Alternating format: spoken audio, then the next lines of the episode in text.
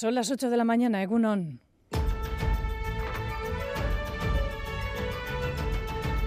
Crónica de Euskadi con Aichiber Bilbao.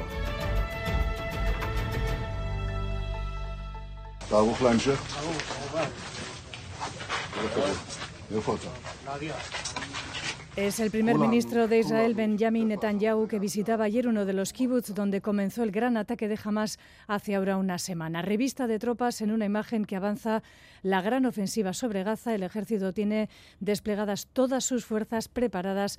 Les preguntaba así el líder del país para la siguiente fase. Mientras tanto, la población de Gaza, quien puede, huye hacia el sur, si bien el gobierno busca un asentamiento forzoso en el Sinaí, en Egipto. Decimos quién puede, pues en los hospitales o en los lugares donde se refugian los más débiles resisten a duras penas. Imposible trasladar a los heridos eh, sobre todo aquellos que están eh, con extremada gravedad en, en, las unidades de cuidados intensivos y también aquellos enfermos crónicos. Y muchos sanitarios están diciendo que no piensan marcharse y dejar a todas estas personas atrás. Ninguna evacuación es posible ahora mismo en Gaza. La población tiene que desplazarse por sus propios medios y además poner en riesgo su vida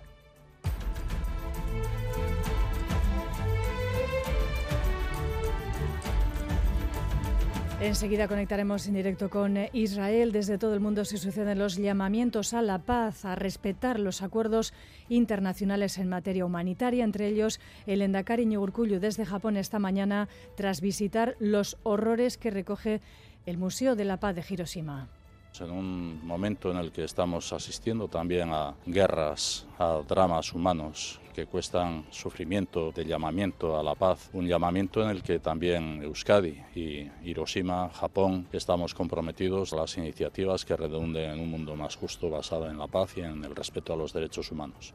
Otro sufrimiento se va a recordar hoy también en dos hogares de nuestro país. Las familias de Joshan Lassa y Joshi Zabala reviven hoy como hace 40 años sus hijos eran secuestrados por fuerzas policiales en Bayona. Ambos vivían en la clandestinidad en los inicios de la llamada Guerra Sucia contra ETA, que la justicia condenó y el gobierno español indultó no tenían delitos de sangre, las familias siguen pidiendo restituir sus nombres. Yo sigo reivindicando la presunción de inocencia de mi hermano, la memoria, la dignidad humana y el honor de mi hermano José Ignacio Zabalartano, de José Antonio Lasarostegui.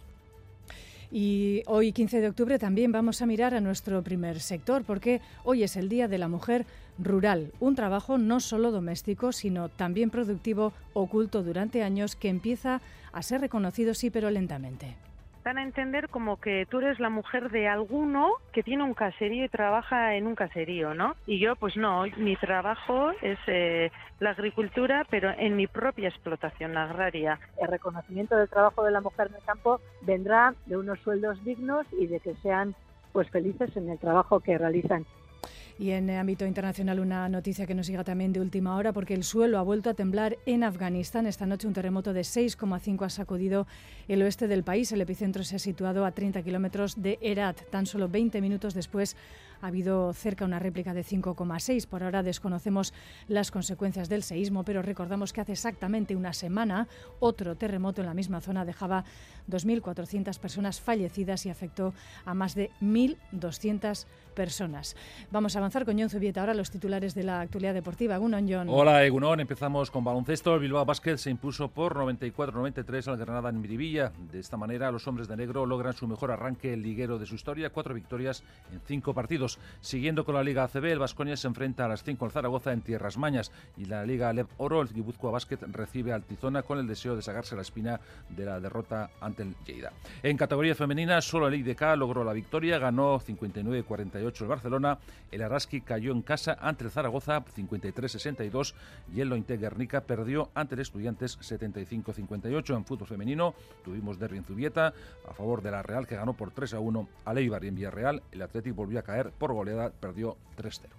En cuanto a la segunda división, el Eibar busca esta tarde su sexto triunfo consecutivo, será ante el Huesca en Ipurúa y a la misma hora, seis y media, el Amorebieta se cita con el Leganés en Butarque. En pelota hablamos del campeonato del cuatro y medio, que se citó ayer en Bilbao, con el Ordi y Peña, partido ganado por el pelotario de Tolosa por 22-19. Esta tarde tenemos el Ezcurdia Salaverría. En balonmano, a las doce y media, la Naitasuna recibe el Huesca y a las cinco menos cuarto, el Vidasoa juega ante el Benidorm a domicilio. Y un último apunte de Wolf, porque el Open de España se le está atragantando a John RAM, que está muy alejado de los puestos de cabeza. Es 34 el labortano Lorenzo Vera, es tercero y Otaegui decimocuarto. Gracias. Y buscamos en Euskalmet el pronóstico del tiempo para estas próximas horas. Eh, Egunon eh, Nayera Barredo, desde Euskalmet. Egunon, hoy esperamos una jornada bastante tranquila. A primeras horas de la mañana, sin embargo, la nubosidad será todavía abundante en puntos de la vertiente cantábrica. Nubes bajas que pueden dejar algo de lluvia en algunos puntos. A lo largo de la mañana, sin embargo, esa lluvia cesará y la nubosidad también disminuirá. Después por la noche no descartamos que pueda volver a llover un poco, pero en ese caso sobre todo sería en las comarcas del interior. El viento soplará del este, algo más intenso cerca de la costa y las temperaturas apenas llegarán a los 20 o 21 grados. Por lo tanto, a primeras horas puede llover todavía un poco en puntos del norte, pero durante buena parte de la jornada no esperamos lluvia y las temperaturas se moverán en valores otoñales. Reciban un saludo de la redacción de esta crónica de Euskadi fin de semana en el control técnico Jorge Ibáñez y Maitane Bujedo. 8 y 6 minutos comenzamos. Crónica de Euskadi con Aichiber Bilbao.